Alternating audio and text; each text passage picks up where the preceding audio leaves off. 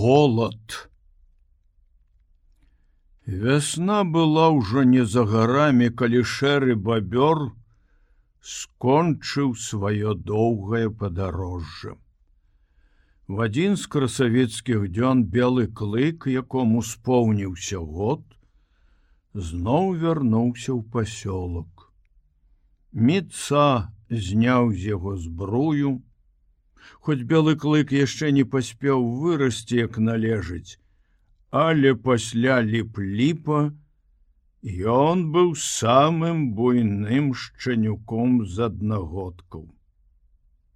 Атрымаўшы ў спадчыну целасклад і сілу ад бацькі ваўка і ад кіч, ён амаль зараўняўся з дарослымі сабакамі, але ўступаў ім у моцнасці целаскладу цело ў яго было худое і зграбнае і ў бойках ён браў хутчэй спрытнасцю чым сілай. Поўсцю белага клыка была шэрая як у ваўка і ён здаваўся самым сапраўдным ваўком.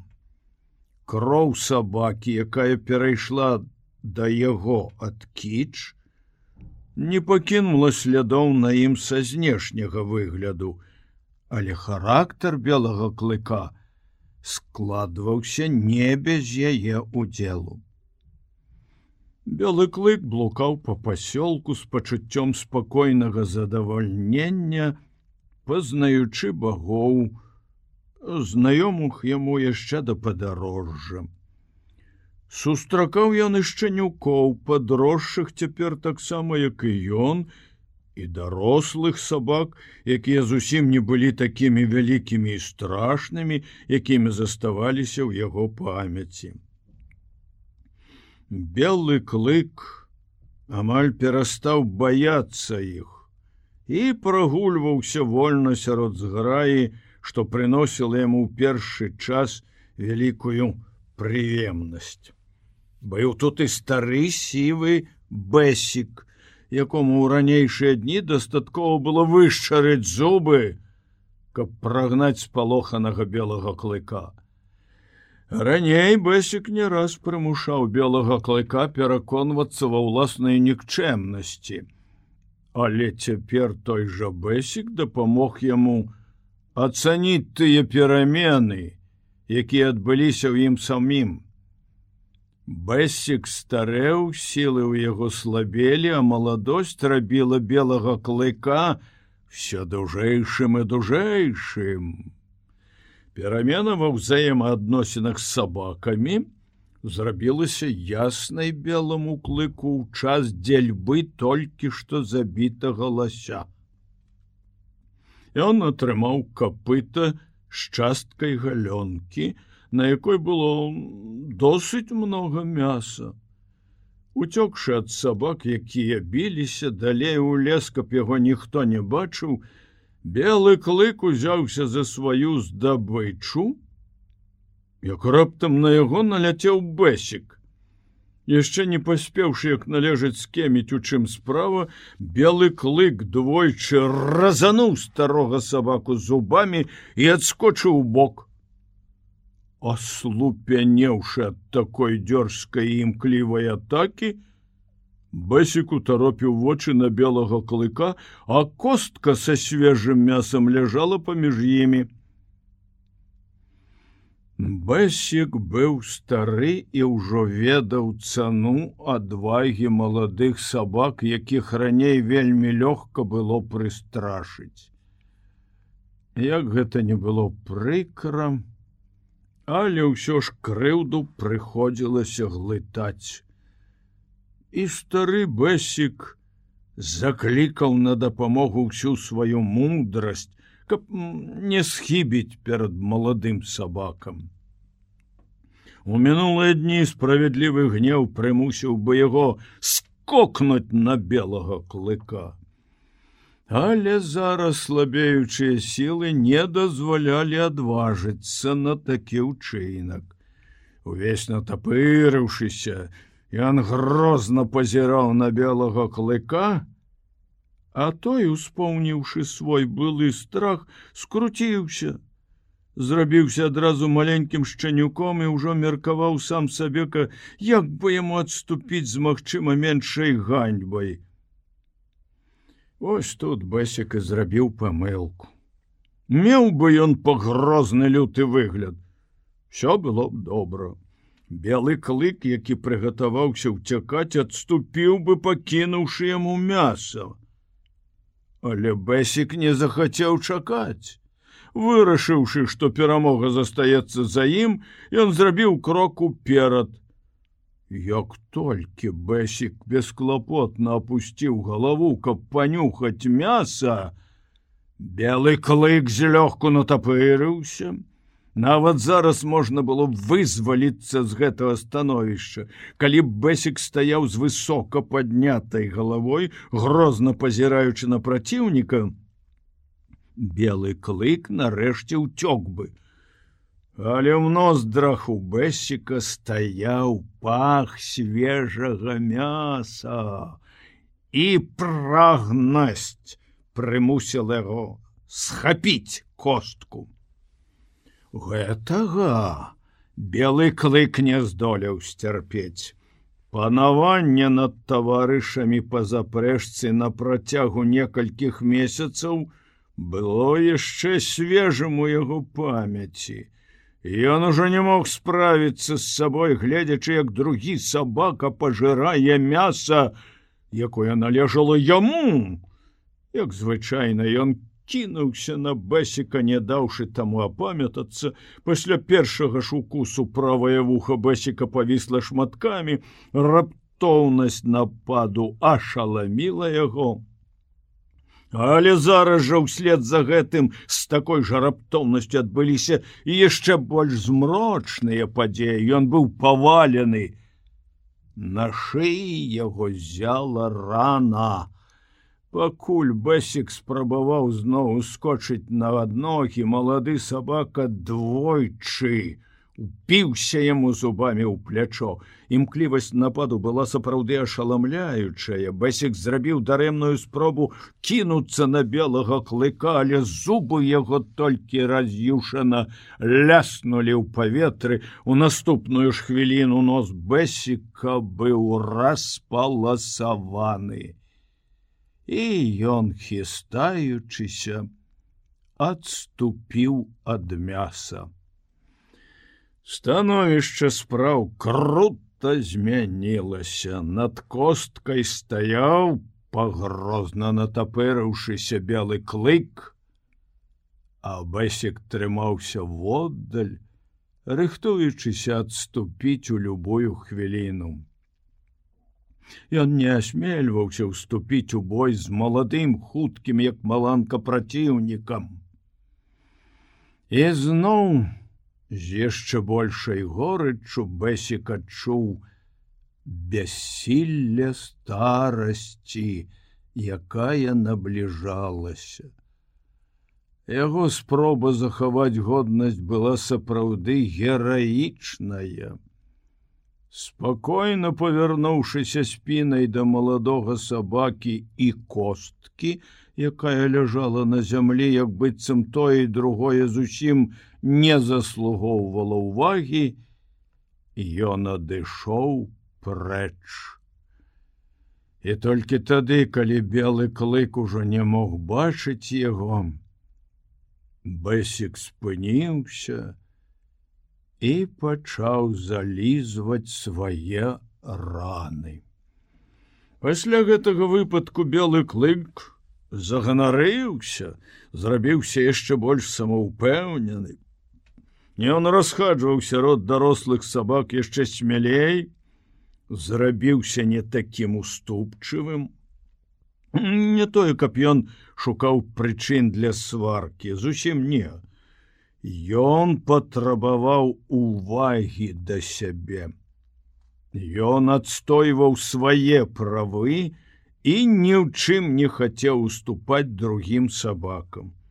З ім прыходзілася лічыцца вось і ўсё.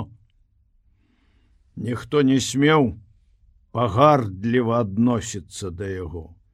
Шанюкі цураліся кампаніі з дарослымі сабакамі, уступалі ім дарогу, а часам былі вымушаны аддаваць ім сваю порцыю мяса. Але не таварыскі адзінокі, пануры грозны белы клык, які ўсіх цураўся, быў прыняты як роўны у асяроддзе збітых з панталыку дарослых сабак.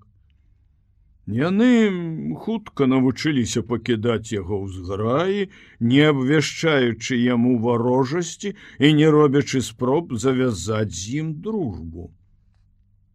А калі яны пакідалі белака, клыка ў спакоі, ён плаціў ім тым жа. Пасля некалькіх сутычак сабакі пераканаліся, што такое становішча спраў, задавальняе ўсіх. Сярэдзіне лета з белым клыком здарылася нечаканая. Прабягаючы сваім бесшумным трушком на конец пасёлка, каб абследаваць там новы вегувам пабудаваны, пакуль ён хадзіў з індзейцамі на паляванне за ласём, Ён наткнуўся на кіч. Белы клык спыніўся, паглядзеў на яе. Ён памятаў матку смутна, але ўсё ж памятаў, чаго нельга было сказаць пра кіч. Грозна зарыкаўшы, яна вышчарыла на яго зубы, і белы клык успомніў яе вспомніў усё. Успаміны аб забытым дзяцінстве і аб усім тым, аб чым гаварыў гэты рык, нахлынули на яго. Да сустрэчы з багамі кіч была для белага клыка цэнтрам сусвету. Старыя, Знаёмыя пачуцці тых дзён вярнуліся і авалодалі ім. Узрадаваны белы клык скокнуў да маткі, але яна сустрэла яго трапным ударам клыкоў, распароўшы скулу да самай косці. Белы клык нічога не зразумеў. Ён у замяшанні адступіўся назад ашаломлены таким прыёмам. Але кіч была невінаватая. Ваўчыцы забываюць сваіх ваўчанят, якім споўніўся год або больш як год. Таксама ж і кіч забыла белага клыка. Ён быў для яе чужы незнаёмы звер і вывадак, якім яна абзавялася за гэты час, даваў ёй права незычліва адносіцца да ўмяшання старонніх. Адзін з яшчэ нікоў падпоўз да белага клыка. Самі таго не ведаючы, яны даводзіліся адзін аднаму з воднымі братамі белы клык з цікавасцю абнюхаў шчанюка за што кіч яшчэ раз наскочыла на яго і распаласавала яму морду белы клык адступіў яшчэ далей усе старыя ўспаміны якія ў воскрэслі было ў ім памерлі ператварыліся у прах. Ён глядзеў на кіч, якая лізала свайго шчанюка і час ад часу паднімала галаву, каб зарыкаць. Кіч не мела ніякай цаны для белага клыка. Ён навучыўся абыходзіцца без яе і забыў, чым яна была дарагая яму. У яго свеце для кіч ужо не было месца, таксама як і ў яе свеце не было месца для белага клыка. Усе ўспамены даўно зніклі з яго галавы. Ён стаяў збянтэжаны, ашаломлены ўсім, што здарылася, калі кіч зноў пачала нападаць у трэці раз, каб прагнаць яго прэч. І белы клык скарыўся. Кіч была самка, а по законе, установленым яго пародай, самцы не павінны біцца з самкамі. Ён нічога не ведаў аб гэтым законе. Ён зразумеў яго не на падставе жыццёвай практыкі. Гэты закон быў падказаны яму інстынктам, тым самым інстынктам, які прымушаў выць на месяц і на начныя зоркі і баяцца смерці і невядомасць. Месяцы ішлі адзін за адным сілы ў белага клыка прыбаўляліся. Ён рабіўся цяжэйшы, шырэйшы ў плячах, а характар яго развіваўся па тым шляху, які наперад вызначылі спадчыннасць і навакольнае асяроддзе. Белы клык быў створаны з матэрыялу мяккага як гліна. Гэты матэрыял хаваў сабе шмат магчымасцей. Асяроддзе ляпіла з гэтай гліны ўсё, што хацелася, надаючы ёй любую форму. Так калі б белы клык не пайшоў на огонь, раскладзены чалавекам лясная глуш, зрабіла б з яго сапраўднага ваўка. Але багі ўвялі яго ў другое асяроддзе, з белага клыка атрымаўся сабака, у якім было много воўчага. І ўсё ж гэта быў сабака, а не воўк. І вось под уплывам навакольнага асяроддзя падатлівы матэрыял, з якога быў зроблены белы клык, набыў вельмі своеасаблівую форму. Это было немінуча ён рабіўся ўсё больш пануры злы ўсё больш замыкаўся ў сабе сабакі ж зразумелі што з белым клыком лепш жыць у згодзе чым быць у варожасці а шэры бабёр з кожным днём все больш і больш цаніў яго тым не менш белы клык нягледзячы на ўсю сваю сілу цярпеў ад адной слабасці. Ён не любіў, калі з яго смяяліся. Чалавечы смех здаваўся ему агідным. Людзі маглі смяяцца паміж сабой, але толькі не з яго, і ён не звяртаў на гэта ўвагі. Але калі яны смяяліся з белага клыка, ён пачынаў шалець, сур'ёзны. Заслугоўваючы вартасці сабака пачынаў шалець да недарэчнасці. Смех да такой ступені выводзіў яго сцярпення, што некалькі гадзін запар ён быў у шаленстве як д'ябал і гора таму сабаку, які пападаўся белому клыку ў гэты момант. Ён надта добра ведаў закон, каб спагнаць злосць на шэрым бабру, якому дапамагалі палка і розум.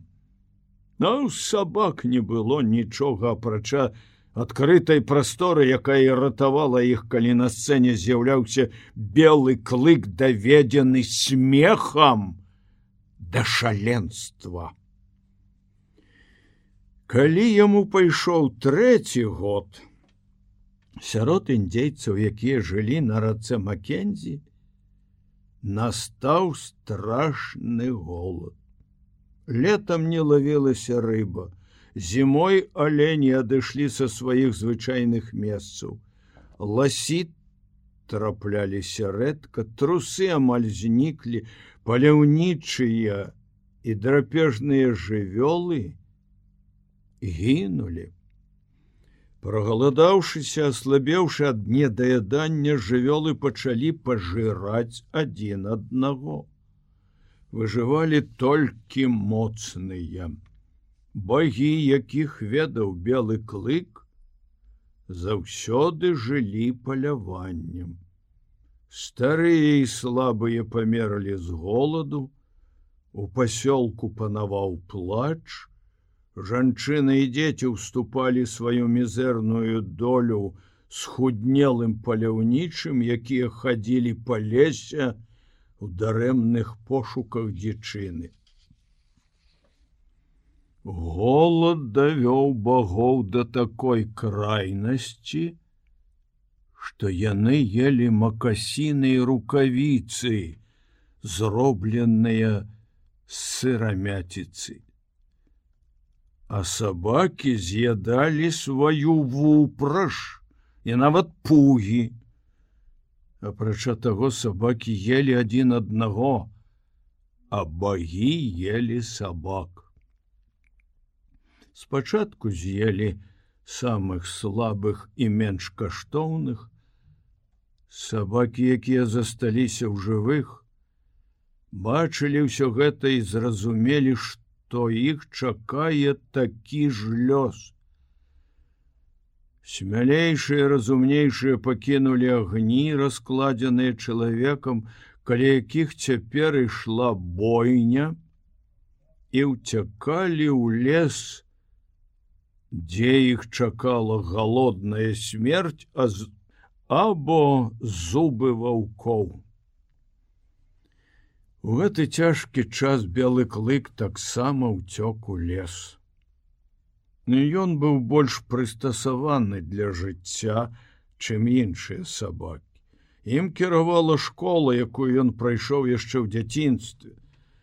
Асабліва ўмела белы клык выгледжваў маленькіх зверкоў мог гадзінамі сачыць за кожным рухам асцярожнай вавёркі і чакаць, калі яна адважыцца злезці з дрэва на зямлю.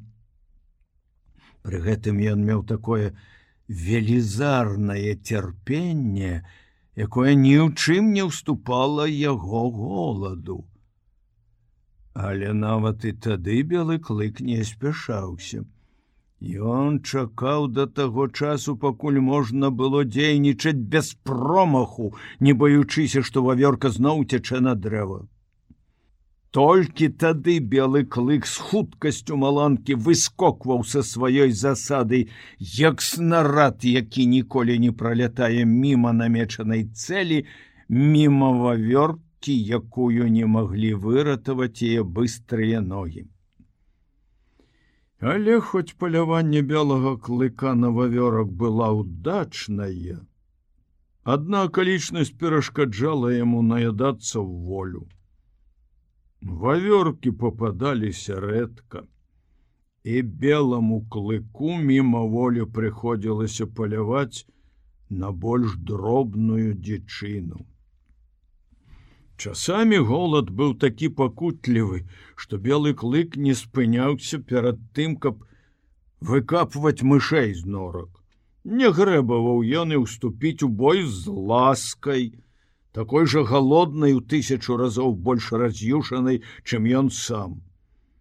Калі голад данімаў асабліва жорстка, белы клык падкрадваўся бліжэй да агнёў багоў, але блізка не падыходзіў. Ён бегаў па лесе унікаючы сустрэч з багамі і абкрадваў сілкі калі ў іх зрэдку попадалася дзічына.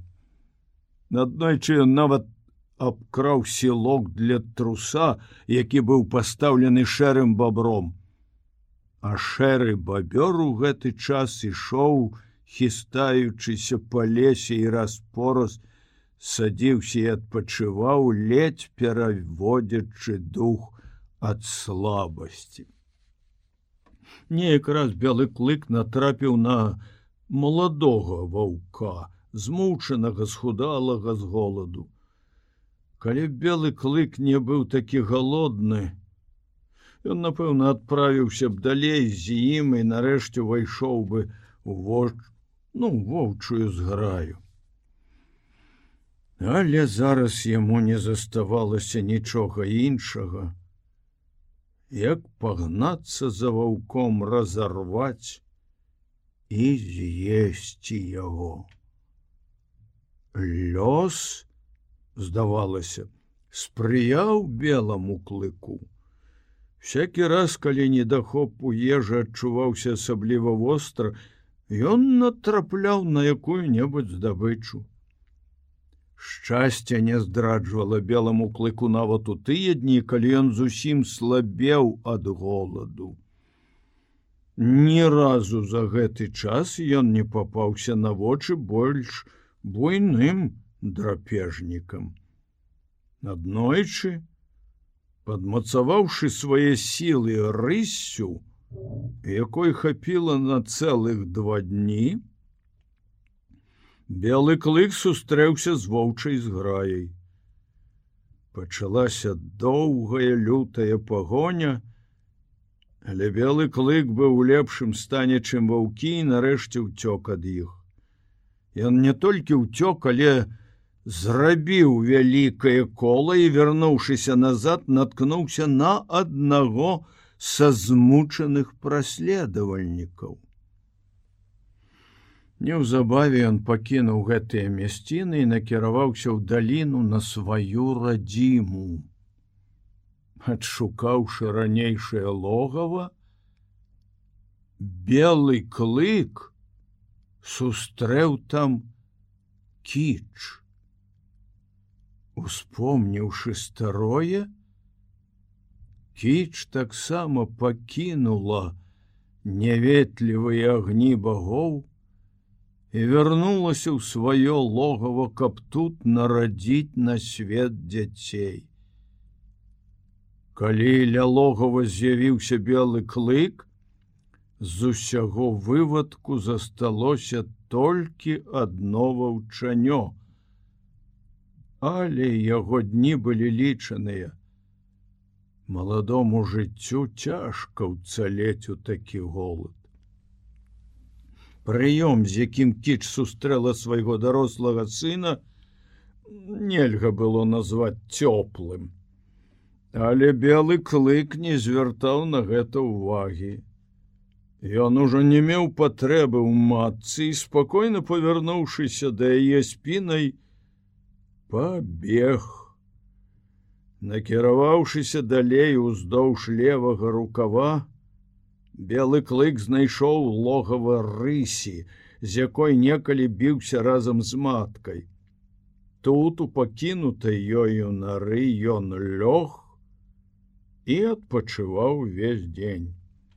Раннім летам, калі голад ужо падыходзіў, да заканчэння ці то заканчваўся белы клык сустрэў ліп ліпа які таксама як і ён уцёк у лес і там гібеў.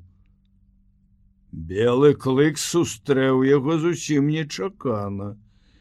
Агінаючы з процілеглых бакоў круты бераг яны адначасова выбеглі з-за высокай скалы і сустрэліся нос у нос. Абодва спыніліся спалоханыя такой сустрэчай і ўтаропілі вочы адзін у аднаго белы клык быў у вельмі добрым настроі увесь гэты тыдзень ён вельмі удачна паляваў і наядаўся ў волю а апошняй сваёй здабычай наеўся да адвалу але варта было яму толькі ўбачыць ліп-ліпа як поўсць у яго на спіне стала дыбарам. Ён натапырыўся зусім міма волі, Гэтае выяўленне хваляваўшых яго пачуццяў у мінулым спадарожнічала кожнай сустрэчы з забіякам ліп-ліпам.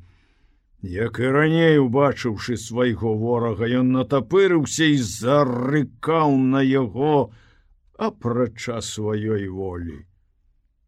Белы клык не стаў траціць часу. Всё было разлічана в один момант.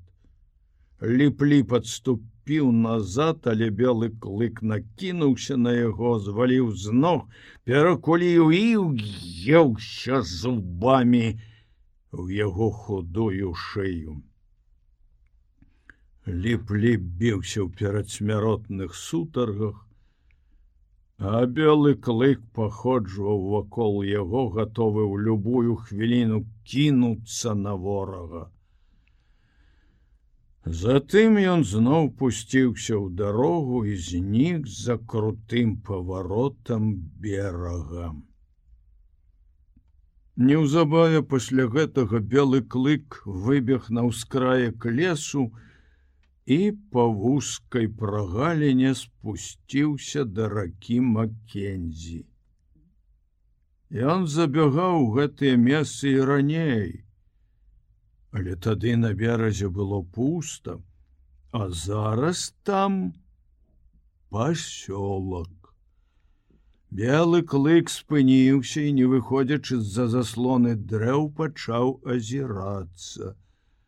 Гукі і пахі здаваліся яму знаёмымі. Это быў стары пасёлак, які перабраўся на другое месца але ў пасёлку у яго гуках і пахах было штосьці новае. Нячутна было не выцця ні плач. У гуках, якія даляталі да яго вышэй, чулася сытасць. Калі белы клык адрозніў раптам сярдзіты жаночы голос, Ён зразумеў, што так злаваць можна толькі наеўшыся. У паветры пахла рыбай, значыць, у пасёлку была ежа. Голад скончыўся.